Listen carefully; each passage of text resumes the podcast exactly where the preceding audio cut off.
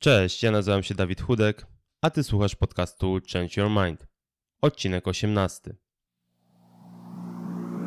One, two, three, four.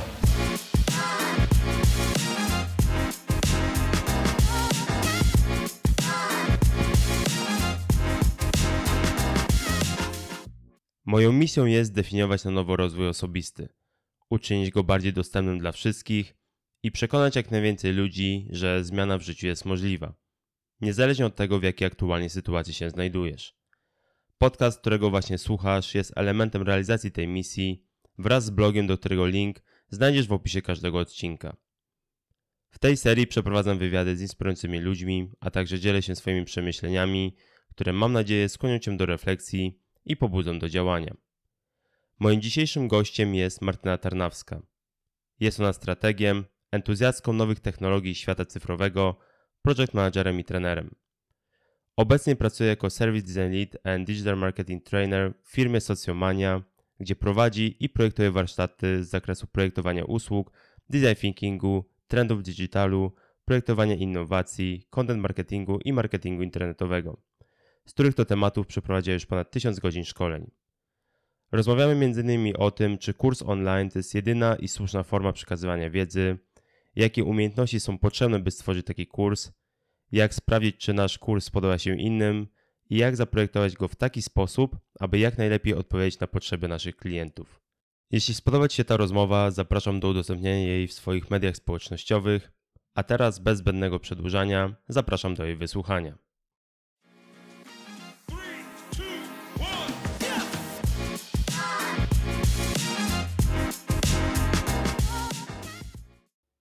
Cześć Martyna, bardzo się cieszę, że znalazłeś czas, żeby ze mną porozmawiać. Spotykamy się zdalnie, choć mieszkamy w jednym mieście, no ale w sumie forma zdalna jest zawsze formą szybszą, żeby, żeby nagrać rozmowę, więc y, cieszę się, że znalazłeś czas, żeby ze mną porozmawiać jeszcze raz.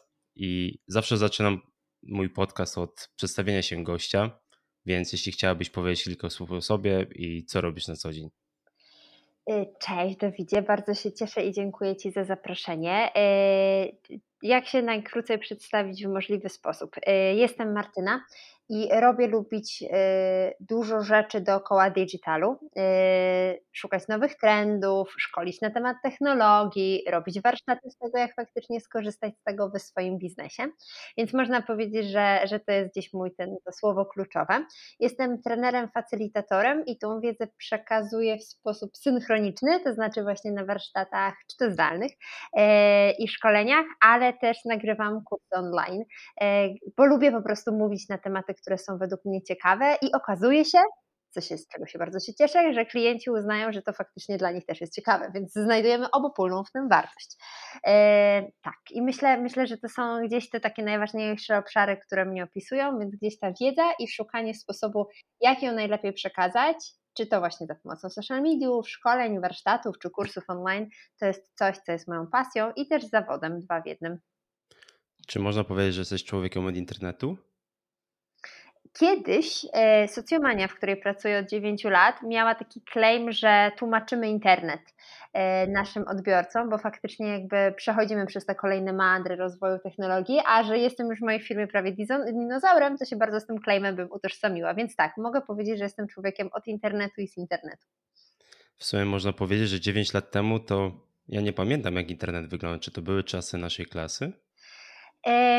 Można powiedzieć, że to już były czasy pod kątem rozwoju biznesowego, że bardzo aktywnie patrzyliśmy w stronę mediów społecznościowych e, i to nawet w tak zwanych społecznościówek dla milenialsów, czyli e, ówczesnego czy to Snapchata, czy to Vine'a, pewnie już takich mm, bytów, o których nie zawsze pamiętamy, albo które już mają inne znaczenie i inne wykorzystanie, ale to był bardzo mocne, to były bardzo mocne lata wykorzystania mediów społecznościowych i takiego um, początkowego tam klientocentryzmu. W sumie zawsze zastanawiałem się, czy ja się określam mianem milenialsa, czy nie. Czy ty czułeś się milenialsem? Chyba czuję się milenialsem, chociaż czasami wydaje mi się, że bardzo mocno utożsamiam się też z tą najmłodszą grupą, chociaż może najmłodszą to nie, e, z alfami, ale z generacją Z, e, ponieważ pod kątem takiej ciekawości świata i otwartości jestem temu dosyć blisko. My chyba jesteśmy w ogóle równolatkami, więc też jesteśmy No właśnie, gdzieś tam właśnie. e, na skraju pomiędzy milenialsami a generacją Z. To dosyć ciekawe, chyba tak mi się wydaje, że w Polsce to jest ten rok 95-96, gdzieś się przyjmuje jako tą granicę pomiędzy jednym a drugim pokoleniem. I ja się czasami też czuję tą Zetką, przynajmniej najmocniej się nią czuję, kiedy się ją krytykuję, powiem Ci, jakoś wtedy wchodzę w ogóle w tą grupę i tak mam takie wewnętrzną chęć e, obrony tej grupy, że, że, że to jest bardzo, bardzo ciekawe pokolenie, bo milenialsi, no to wiesz, to, to, to na nich się za bardzo tam nie psioczy. Jak to mówią, to zależy, ale w sumie temat, dla którego Cię zaprosiłem i w sumie zacząłem Cię obserwować, znalazłem Cię w internetach, były właśnie kursy online, bo jest to temat, który też jest mi bliski, bo można powiedzieć, że tworzę kursy, pewnie nie na takim poziomie jak Ty, ale właśnie zaczynając od początku i właśnie tego, z czym się je, je kursy, pojawia mi się pierwsze pytanie. Jestem taki ja i mam pomysł na kurs, tylko co dalej? Myślę, że to jest już dosyć zaawansowany moment, kiedy jesteś taki ty i masz pomysł na kurs. E, to znaczy, chodzi mi o to, że kurs to już jest formuła. Mm, Ja dosyć dużo, bo słowo projektuję jest mi bardzo bliskie, dlatego że wyszłam jako człowiek z internetów, od mediów społecznościowych, ale szukam jakiegoś ukierunkowania mojej specjalizacji i poszłam w projektowanie.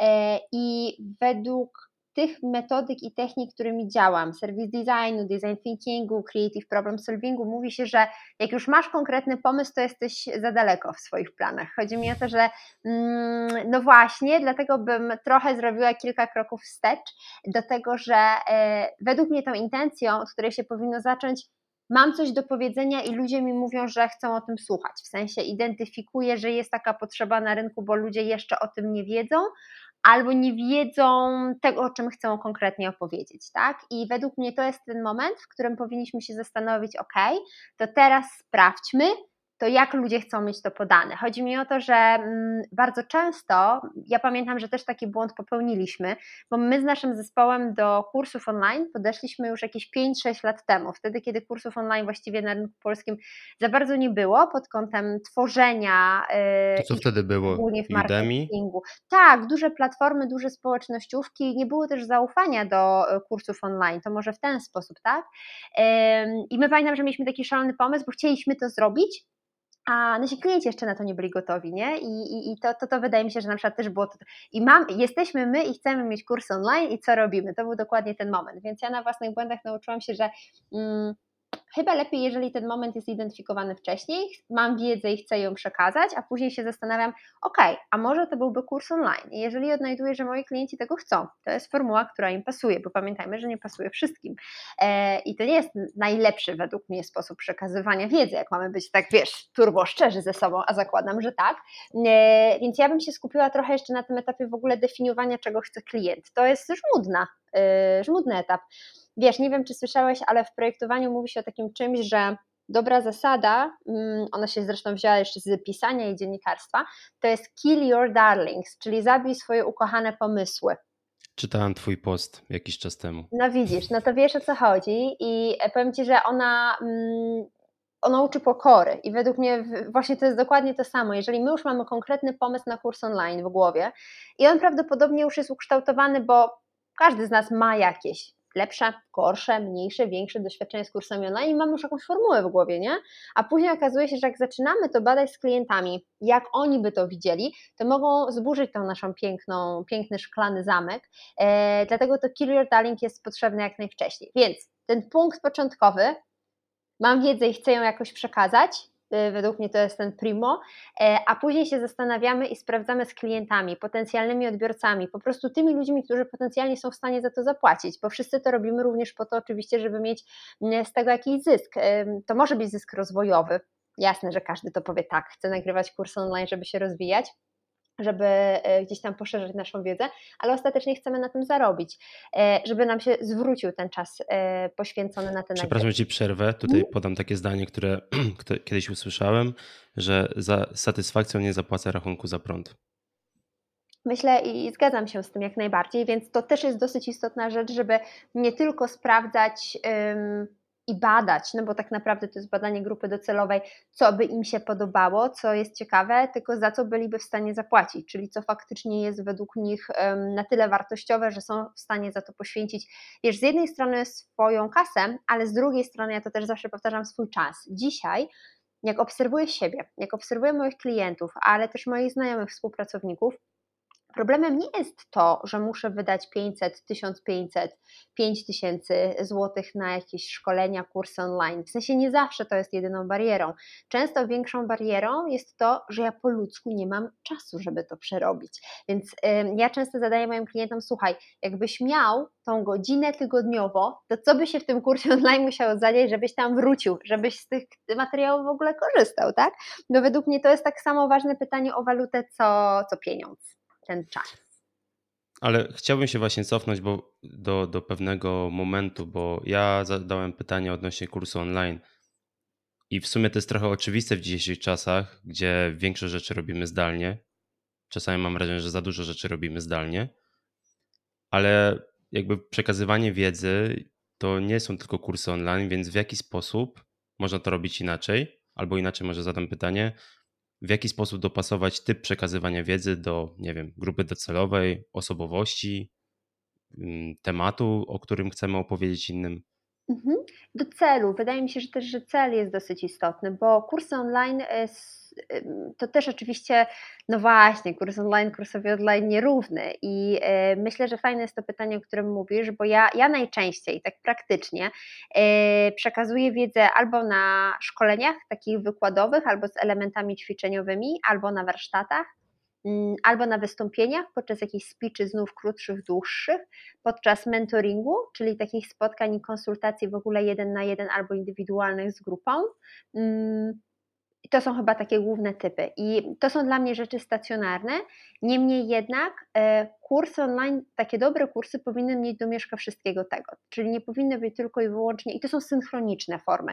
Ja w ogóle tutaj dosyć mocno w tej edukacji widzę ten podział, który mamy przy komunikacji, o którym teraz głośniej się mówi przy okazji pracy hybrydowej, zdalnej, czyli że mamy e, edukację synchroniczną i asynchroniczną. Synchroniczne to takie, że wszyscy musimy być w tym samym czasie, bardzo często też w tej samej przestrzeni, ale niekoniecznie, bo być może już jest ta formuła przez Zoom albo przez inne komunikatory.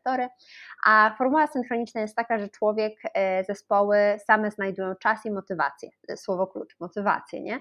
Więc, e, więc kurs online jest tą domieszką, że my go, no właśnie, projektujemy, jak każdą inną formę edukacyjną, ale e, domyślnie mamy świadomość, że to nasz kursant będzie wybierał i motywował się do tego, kiedy, jak i nawet gdzie będzie się zapoznawał z tymi treściami. To jest wielka przewaga wobec szkoleń, warsztatów, wystąpień, networkingu czy mentoringów, yy, ale zwróciłam uwagę tutaj gdzieś e, głosem, że też zagrożenie, nie? bo ta motywacja przechodzi na uczestnika.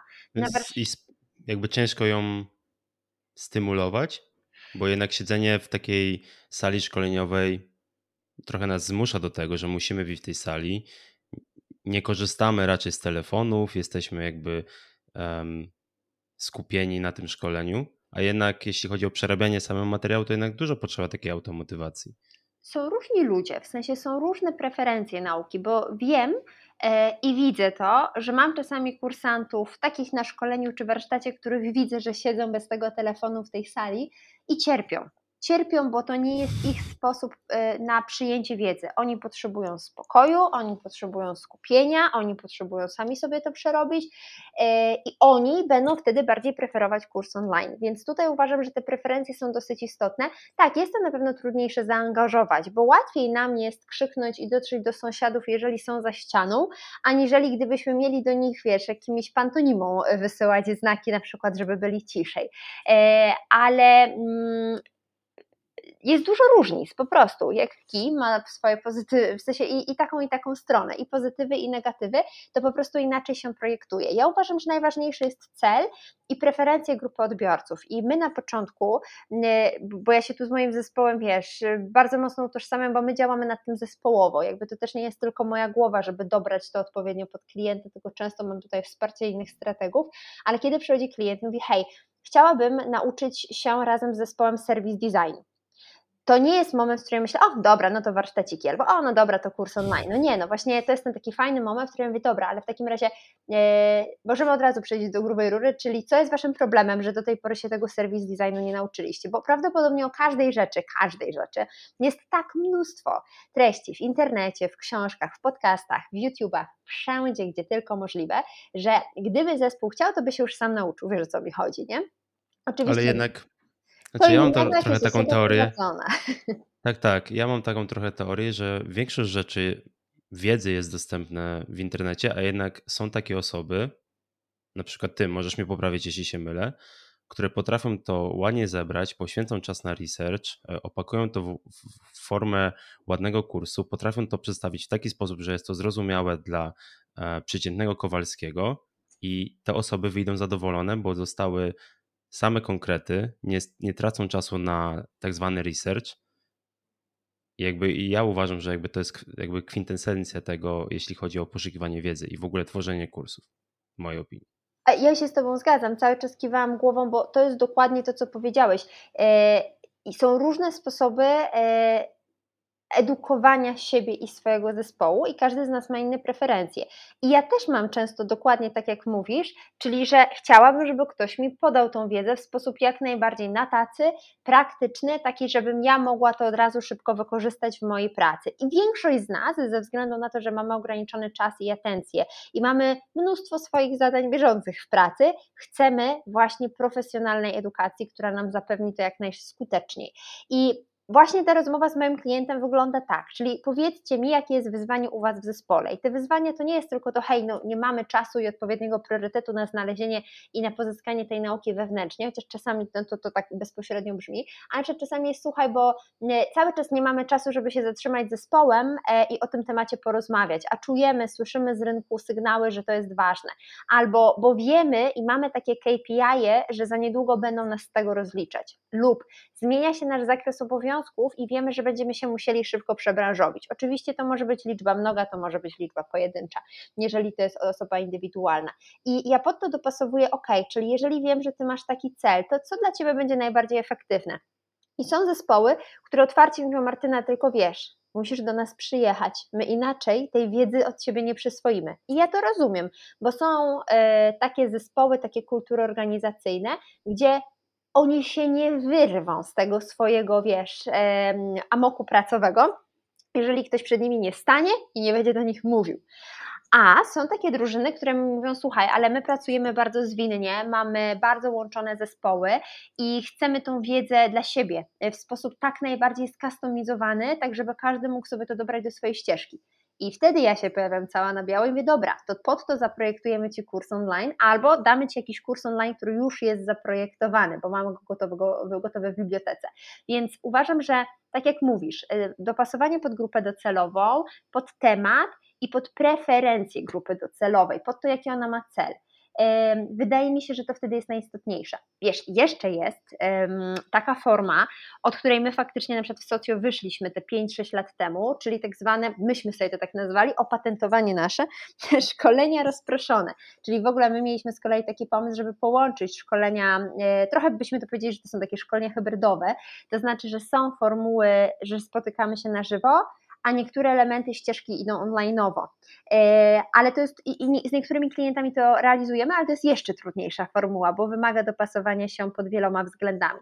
E, no, ale ostatecznie jednym z tych produktów są kursy online, czyli tak zaprojektowany proces, który nie zawsze musi być nagraniami, rozmową czy monologiem autora współtworzącego, by przekazać tą wiedzę, kiedy tylko ta osoba chciałaby ją konsumować.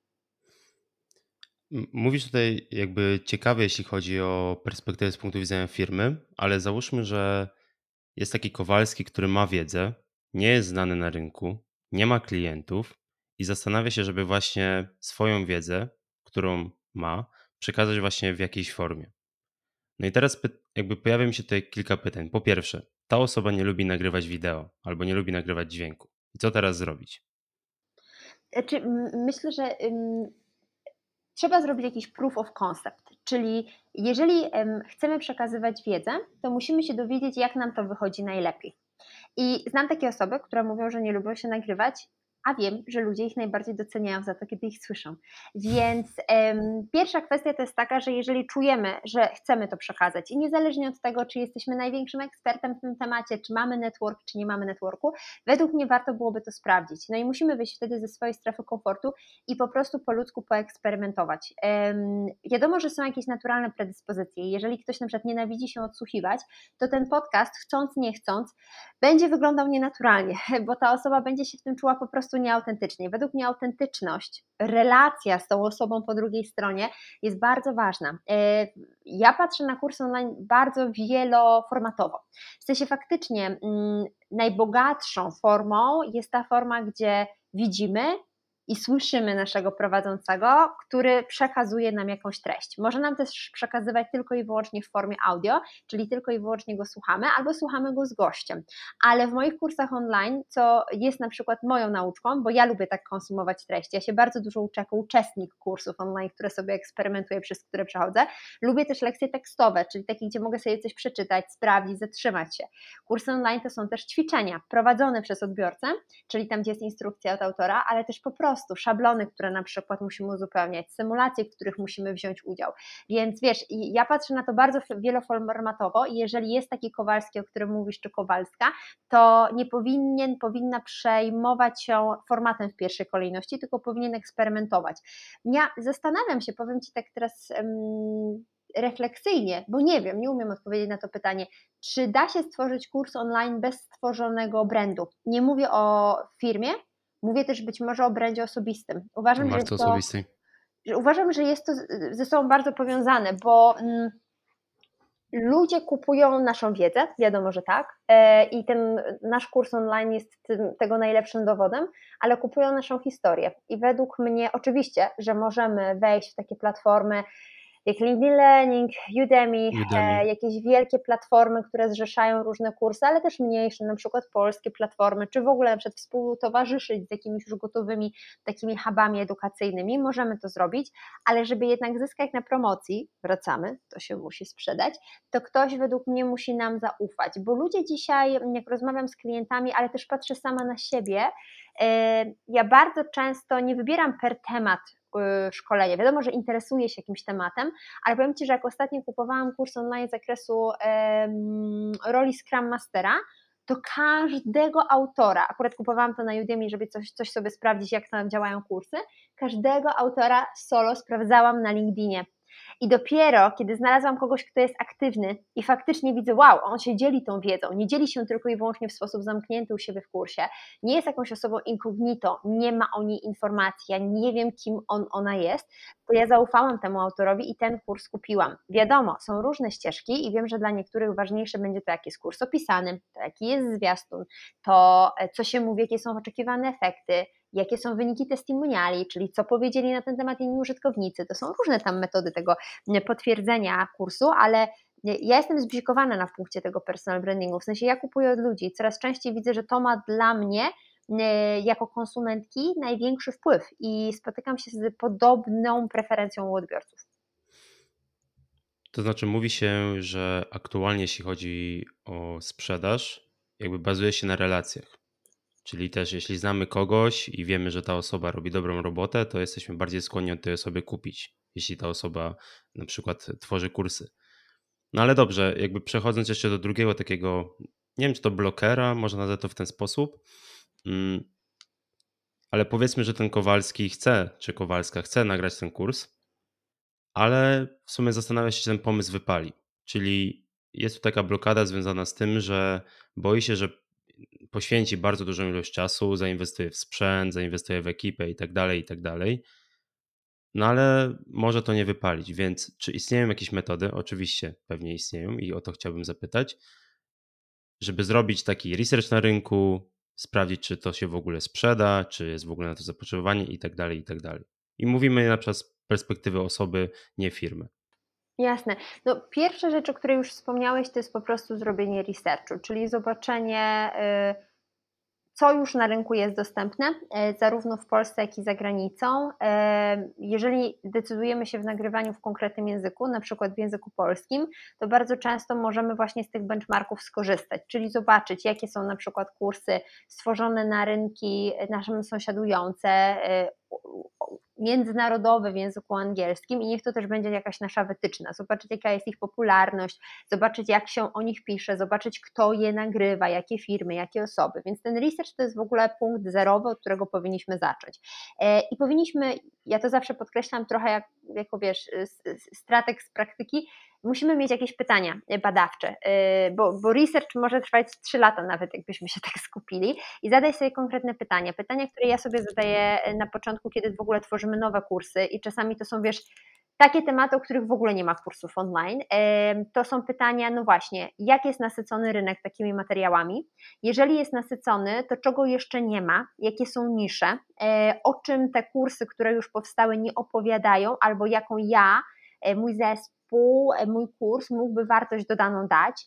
Jeżeli faktycznie jest to świeży rynek i no, okazuje się, że jest bardzo mało takich kursów na świecie, to dlaczego nie powstały? Jak nam się wydaje, czemu ludzie się na ten temat nie decydują? Bo zwróć uwagę, na przykład jest mm, relatywnie mało kursów online i ja się też na niego jeszcze nigdy nie zdecydowałam na temat e, trendów, tak jest dużo na temat trendspottingu, bo to jest raczej uniwersalna mm, kompetencja, którą można pogłębiać, ale na temat trendów. I ja kiedyś w Socjomanii prowadziłam dużo warsztatów i szkoleń e, na temat trendów w, mediów, w mediach społecznościowych, w digital marketingu, w ogóle w digital managementie, a później stwierdziłam, czy da się z tego zrobić kurs online. Nie ma przecież za dużo takich kursów i powiem Ci, że z tego researchu mi wyszło, no nie ma, bo bym musiała aktualizować go, nie wiem, czy słyszałeś, ale moja zmywarka zapiszczała, więc przepraszam, urwałam, żeby w razie czego można było. To się wytnie. E, tak, ale to czekaj, wrócę tylko do ten, że zrobiłam wtedy research i okazało się, że nie ma za dużo kursów na ten temat na rynku, bo po prostu musiałabym ten kurs cały czas nagrywać od początku i cały czas go aktualizować. Więc to są też takie pytania badawcze, które warto sobie zadać. A jak ktoś nagrywa takie kursy, kto to jest? Fajną też metodą jest tak zwany social listening, czyli podsłuchiwanie użytkowników w internecie. E, nie musimy teraz chodzić od wiesz, miejsca pracy do miejsca pracy, czy od biblioteki do biblioteki, tylko wystarczy otworzyć kilka for, grup na Facebooku, i zobaczyć, o czym ludzie dyskutują, jakie pytania zadają. Każdy nasz temat, jeżeli mamy w głowie, a chciałbym, chciałabym, mam duże kompetencje na temat zarządzania zespołu, w pracy zdalnej, chciałabym się tym, chciałbym się tym podzielić, no to o co ludzie pytają? I to jest ten moment researchu i tych pytań, które są bardzo istotne. Na, jakich, na jakie pytania nie ma odpowiedzi, trudno je znaleźć, ludzie się dopytują, nie ma tej wiedzy w internecie. To też są takie elementy, które warto byłoby znaleźć. I ten social listening, czyli bezpośrednio podsłuchiwanie tych ludzi bardzo się przydaje. No i najpotężniejsze, ale ono w kolejności dobrze, że je wymieniam jako ostatnie narzędzie czy sposób, to jest po prostu pilotaż.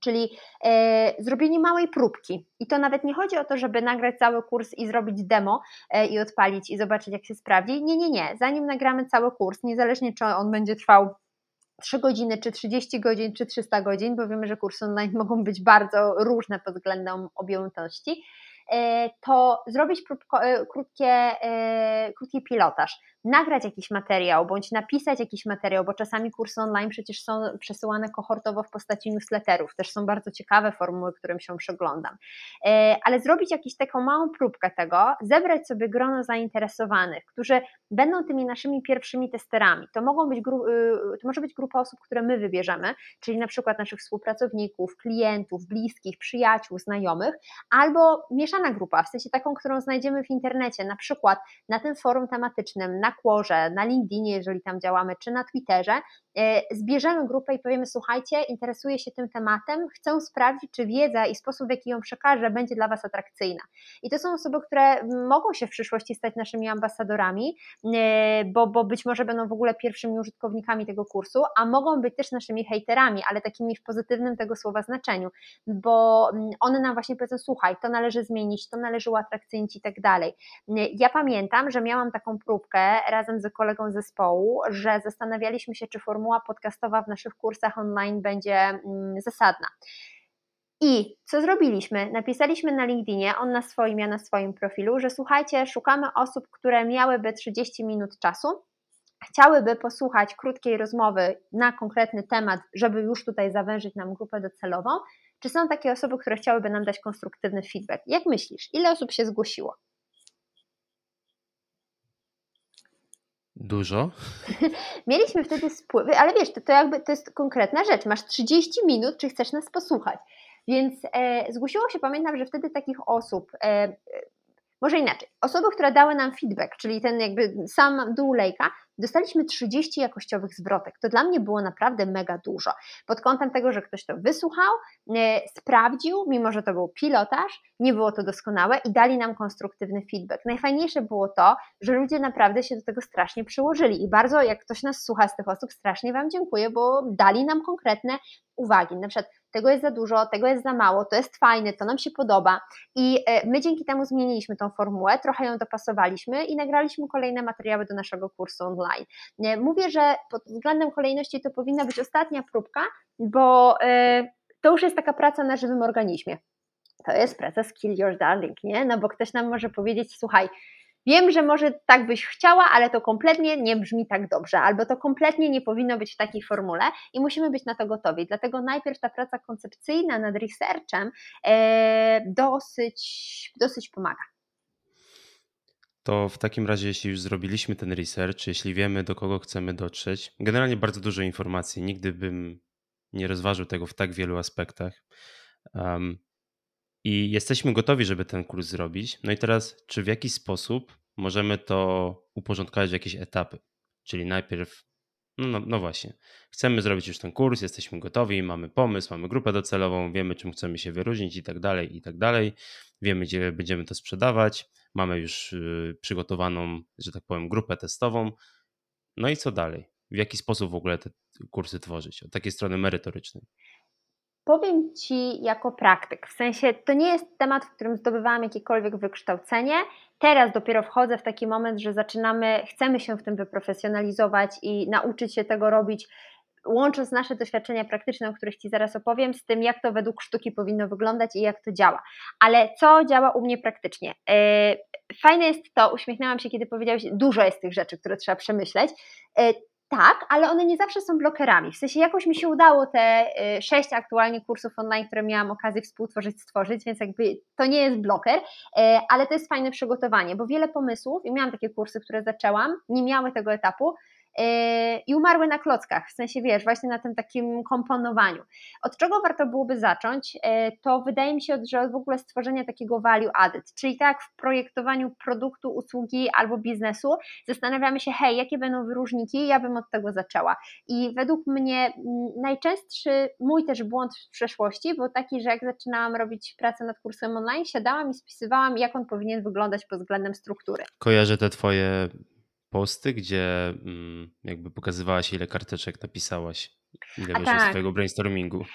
Tak, ale wiesz, właśnie ten e, e, etap chaosu to jest coś, czego się dopiero nauczyłam, bo ja zawsze jestem dosyć uporządkowaną osobą i ja zawsze dążyłam do tego, żeby już mieć strukturę. A struktura okazuje się, że ona nas trochę blokuje, no bo jeżeli już mamy jakiś pomysł, że to ma być na przykład w trzech modułach ten nasz kurs online, to później mamy takie, no to już nie możemy dodać czwartego albo piątego. W sensie, wiesz, jesteśmy ograniczeni sami przez siebie. Dlatego w ogóle primo bym się zajęła value added, czyli jaka ma być wartość dodana.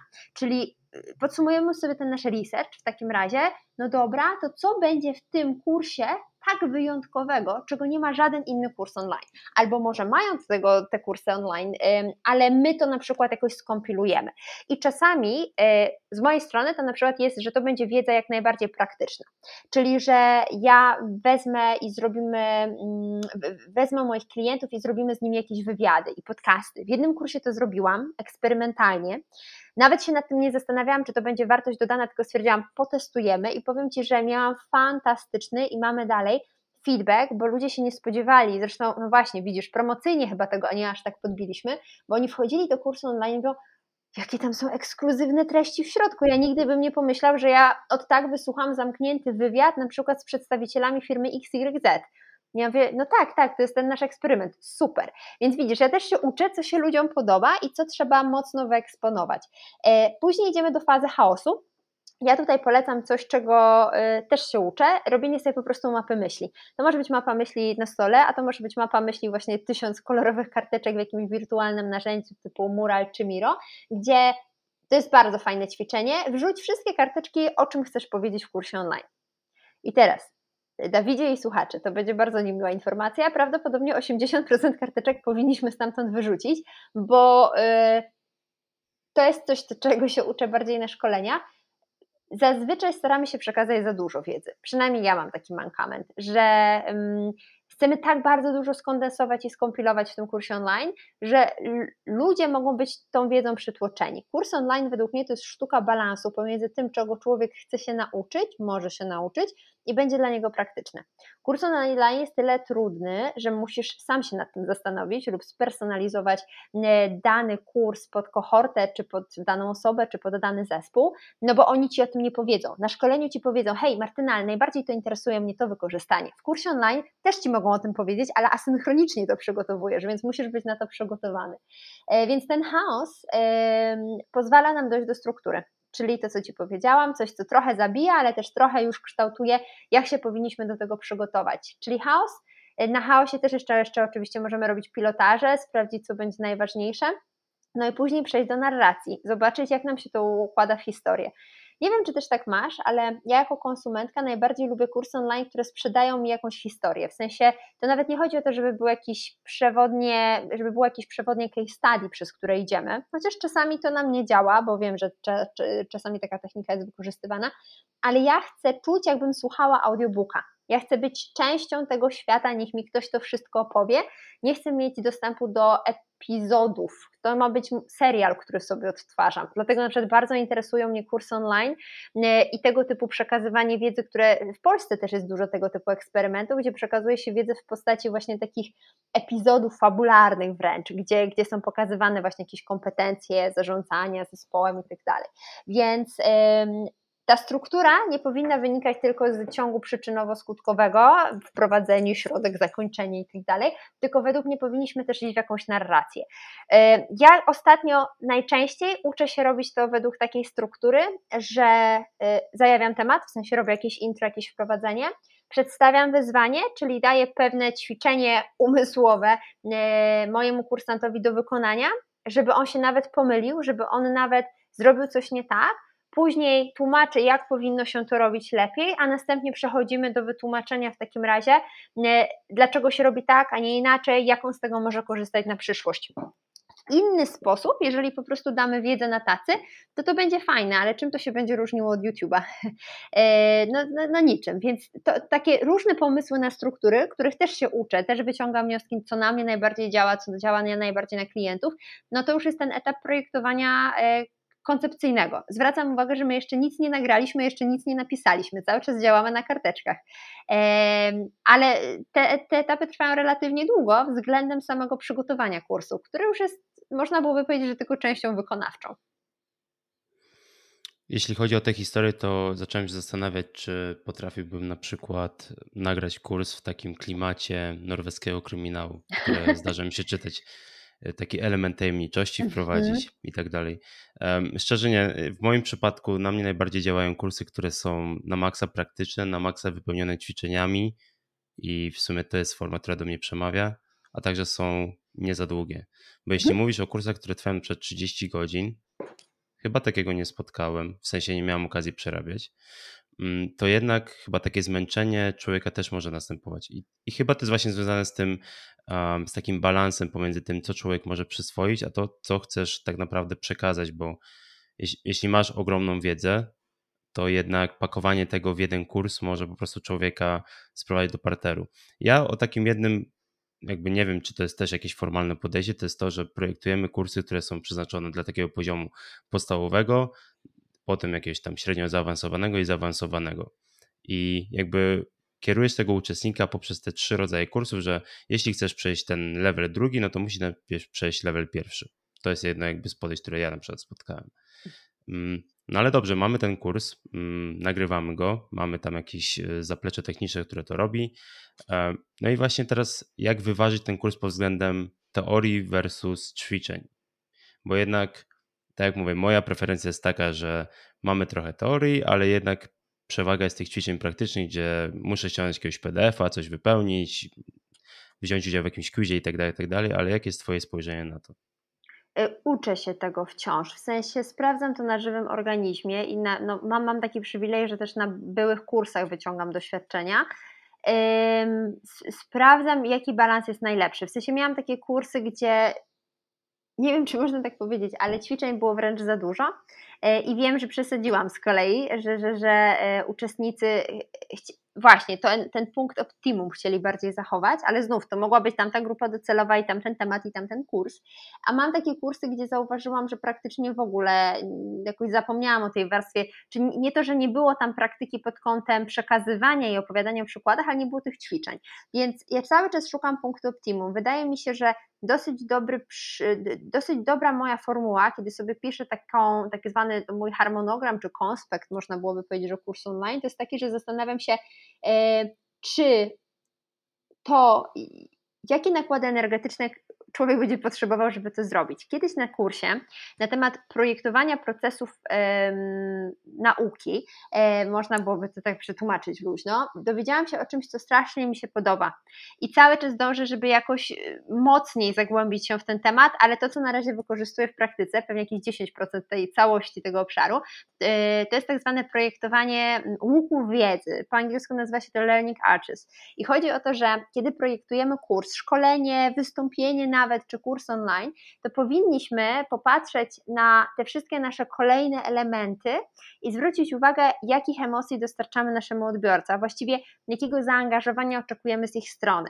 I dlaczego to są łuki? Bo zazwyczaj powinno to wyglądać tak, że od niskiego nakładu, czyli robimy wprowadzenie, jakieś takie bardzo podstawowe, wkracza ten nasz odbiorca do tego świata, windujemy do aż najwyższego poziomu, czyli on zazwyczaj musi tutaj zrobić jakieś ćwiczenie, zaangażować się, odpowiedzieć na pytanie, sprawdzić coś z zespołem, sam coś wykonać. I uwaga, no jak każdy y, pewnie spodziewasz się tego zaprojektowany cykl, to zaangażowanie musi spaść w dół, czyli on teraz dostaje jakieś wytłumaczenie, dostaje jakieś y, dodatkowe materiały, znów jest na poziomie zerowym, i to zazwyczaj jest jeden moduł, jeden temat, jeden fakt, jedna funkcja narzędzia, jedna taktyka większa i znów jedziemy od początku. I powiem Ci, że mm, wizualizacja tego w mojej głowie, czyli ok, to teraz zbliżamy się ku góry, jesteśmy w górze i musimy spaść z tej góry, bardzo mi pomogła. W sensie tam to szkolenie, ono było bardzo przeznaczone dla nauczycieli, dla w ogóle edukatorów, można byłoby powiedzieć że szeroko, ale było dla mnie tak świeże, e, że, że dzisiaj też do kursów online, no nie wiem, czy biorę ołówek i rysuję po tych tych moich konceptach tego typu łuki, ale zastanawiam się, kiedy muszę wzbudzić tą energię, kiedy jest kulminacyjny punkt, czyli on musi coś zrobić, y, nasz użytkownik, a kiedy schodzimy, czyli na nowo muszę jakby podsumować to. E, I to mi pomaga, to mi pomaga gdzieś znaleźć ten punkt optimum. Ja to, co usłyszałem od, y, od mojej znajomej, to to, że mm, Człowiek podobno maksymalnie potrafi się skupić przez około 9 minut. I to w kontekście wystąpień publicznych, czy w ogóle właśnie przekazywania wiedzy. I że po tych 9 minutach trzeba tego człowieka w coś zaangażować, żeby nie poczuł się znudzony i żeby nie, nie wyciągnął telefonu i zaczął przeglądać e, social mediów.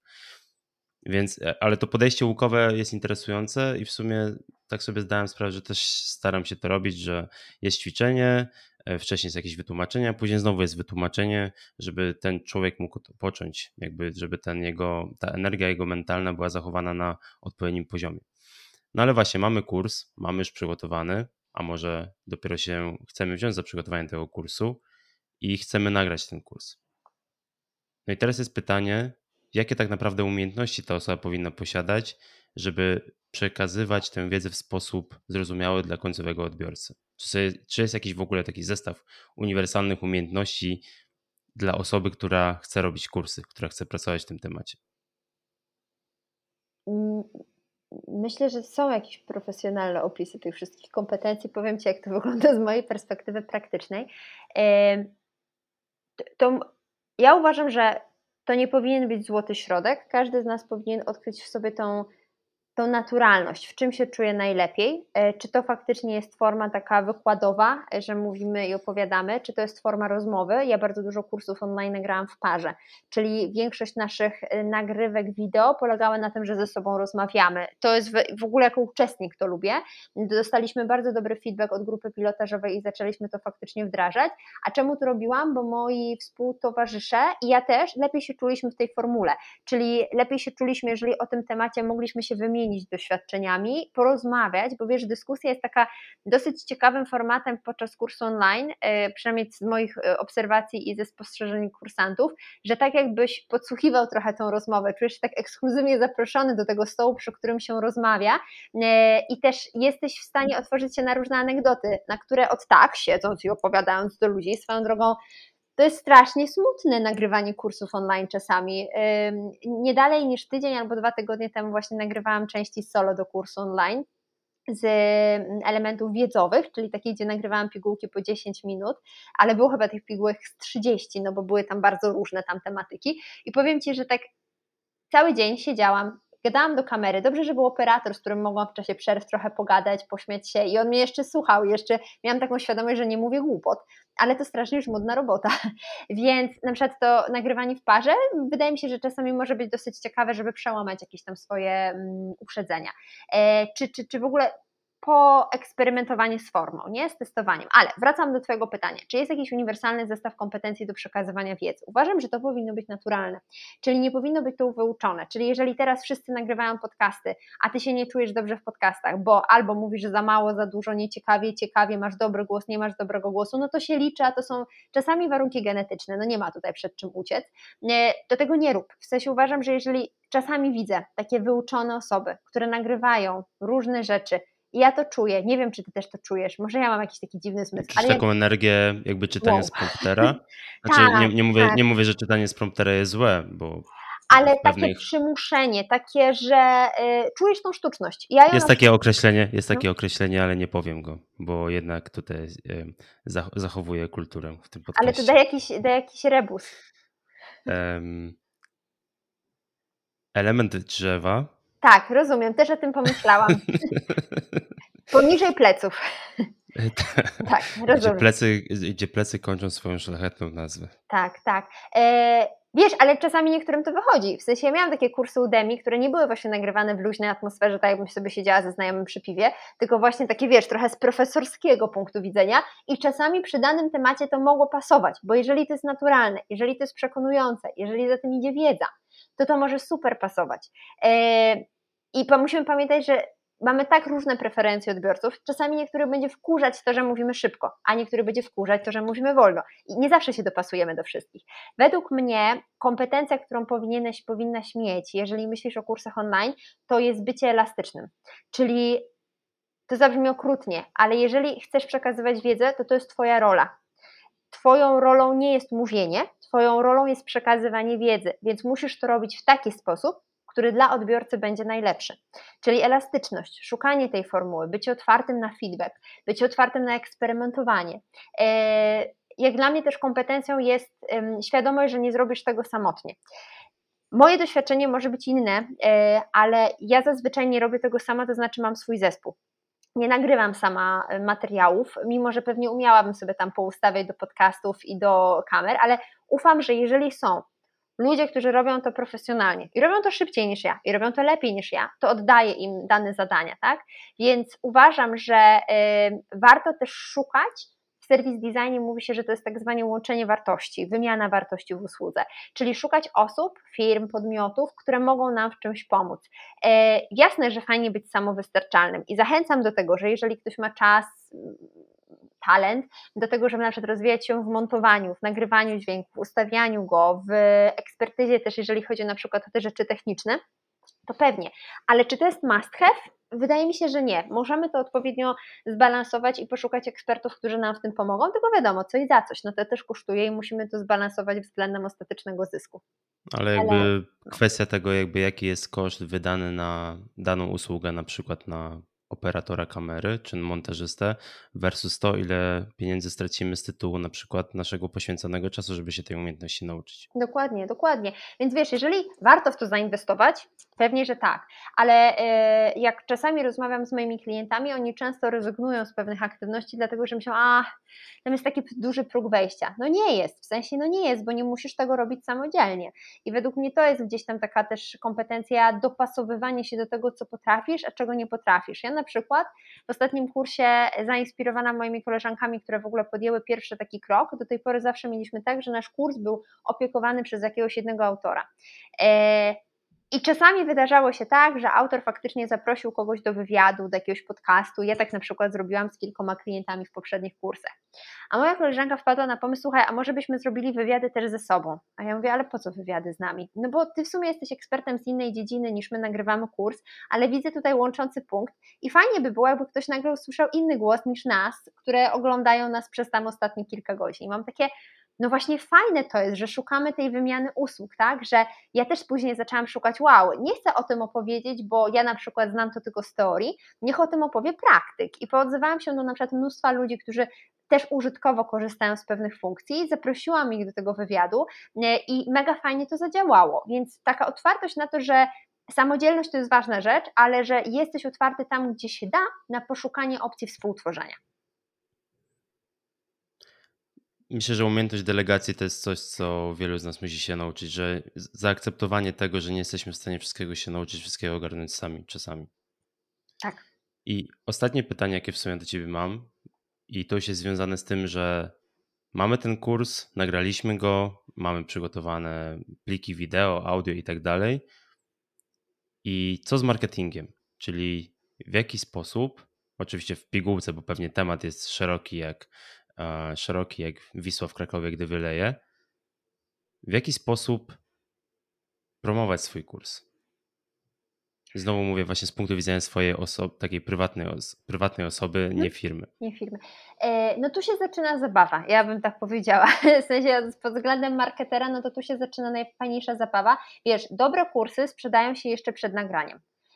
I nie chodzi jeśli masz markę. Tak, jeśli masz markę, markę, grupę odbiorców dokładnie, i tak dalej. Dokładnie. I, tak dalej. I do tego według mnie powinniśmy dążyć, czyli e, tak zbudować szum wokół tego produktu, wokół tego tematu, żeby odbiorcy na to czekali.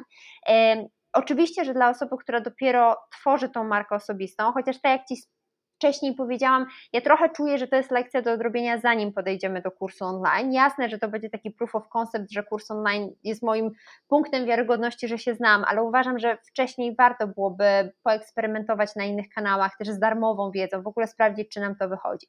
Ale mm, no, jeżeli nie zrobiliśmy, jeżeli tego właśnie tego efektu oczekiwania nie wzbudziliśmy wcześniej, albo nie było ku temu podstaw i fundamentów, to uważam, że dobry marketing e, dookoła kursów online jest najczęściej oparty wokół wyzwania.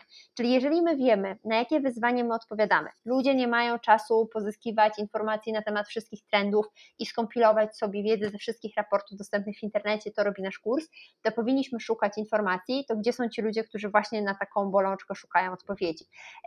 I tak powinniśmy dobrać nasze kanały, dobrać to, czy to będzie reklama płatna, czy to będą treści organiczne, czy znajdziemy na przykład jakąś społeczność, albo rozkręcimy społeczność wokół jakiegoś tematu, bo to też może być jakieś działanie czy będziemy uprawiać trochę tak zwany growth hacking, czyli wchodzić na te kłory, podpowiadać ludziom ten nasz kurs online. Nie mówię tutaj o hamskim spamowaniu, tylko mówię o takim odpowiednim zidentyfikowaniu, kiedy będziemy ludziom pomagać podsyłając nasz kurs, a kiedy będziemy im go nachalnie wciskać. To jest dosyć trudne, no ale no, to, to dlatego mówią, że growth hacking to sztuka. Yy, Najłatwiej jest, jeżeli będziemy budować to cały czas e, równolegle z naszą marką osobistą, no bo to też w ogóle buduje inwestycje nam na przyszłość. Ten pierwszy kurs, bo wydaje mi się, że jak ktoś ma wiedzę, spodoba mu się to, spodoba się to klientom, to raczej pójdzie w kolejne kursy i w kolejne dzielenie się mm, różnymi pigułkami e, musimy po prostu w to zainwestować, więc dobrze się zastanowić, jak odpowiednio ten e-book nie tylko wypozycjonować w tym pierwszym temacie, ale już zbudować sobie podwaliny na e, kolejne rzeczy. No właśnie, w ogóle pozycjonowanie tej treści wydaje mi się, że jest dosyć istotne, czyli żeby też zastanowić się pod względem marketingowym, kto tego będzie szukał, jak tego będzie szukał, sprawić, żeby to było widoczne, sprawić, żeby kurs miał jakiś landing page, to znaczy, żeby odbiorca łatwo tam wszedł, mógł dostać wszystkie informacje na ten temat. I tutaj słuchaj, oprócz marketingu bym powiedziała, że ważne jest też środek lejka. Bo na przykład to jest coś, z czym ja się borykam, czyli jak dobrze nie tyle sprzedać klientom, dotrzeć do nich, tylko jakich, jakim dobrze doradzić, czy to jest kurs dla nich, więc na przykład świetnie działają, jeżeli wesprzemy to e, prostymi Q&A'ami albo jakimiś webinarami, gdzie ludzie mogą zanim się zdecydują na pełną wersję kursu online, pogadać na ten temat z nami, albo dostać tak zwaną próbkę, ten nasz trochę pilotaż, ale próbkę tej naszej wiedzy, jak my przekazujemy. Ja czasami daję na przykład też wersję demo e, do jakiś tam pierwszy moduł do przejrzenia, jak to wygląda od środka, jakie to jest intuicyjne, więc ten marketing tak, to moglibyśmy o tym pewnie gadać kolejną godzinę, ale zastanówmy się, jakie jest wyzwanie konsumentów, gdzie oni szukają odpowiedzi na to pytanie i tam to zaprojektujmy. To też według mnie nie powinno z automatu wszystko być zaprojektowane, tak wiesz, że okej, okay, kurs, robimy to, to, to, to, to i to. Nie, dopasujmy to do tematu i do grupy docelowej. Ja bym to trochę podsumował w ten sposób, że marketing naszego kursu tak naprawdę rozpoczyna się na długo przed tym, zanim ten kurs stworzymy i wypuścimy w świat. Mhm, mhm, tak, tak mi się wydaje. Myślę, że wiele rzeczy się dowiedziałem od ciebie i myślę, że osoby, które będą słuchały tego podcastu, też się wielu rzeczy dowiedzą. I też e, tematy, które poruszyliśmy, to jest tak naprawdę takie, jak to się mówi, po powierzchni, bo można o każdym z tych tematów rozmawiać godzinami. Mm. Ale na koniec e, zawsze jest okazja tak, do tak zwanego bloku reklamowego, czyli jeśli chciałabyś się zareklamować, w takim sensie, gdzie mogą cię ludzie znaleźć, jeśli chcieliby zobaczyć czym się zajmujesz, to teraz jest czas właśnie na to. Okej, okay, to w takim, tak trochę jak w Mango Pasek. Y, to myślę, że najłatwiej jest mnie znaleźć i zobaczyć, co robię i czym się zajmuję na moim LinkedInie. To jest ten kanał, gdzie opowiadam o sobie i o moim zespole i o naszej firmie Socjumani. I tam się dzielę od y, tego, od tego wnętrza, tym jak czasami kursy online powstają. Więc mam nadzieję, że na LinkedInie pod moim hasłem Martyna Ternawska się zobaczymy. Jeżeli ktoś też będzie miał jakieś pytania, albo no tak jak mówisz, będzie szukał na przykład tej grupy testowej, ja chętnie udzielam feedbacku, lubię go dawać i pozytywny, i ten konstruktywny, więc można się też do mnie w tej sprawie zgłosić. To wszystkich zainteresowanych odsyłam na LinkedIna, a tymczasem chciałem Ci bardzo podziękować za rozmowę i myślę, że do usłyszenia. Do usłyszenia.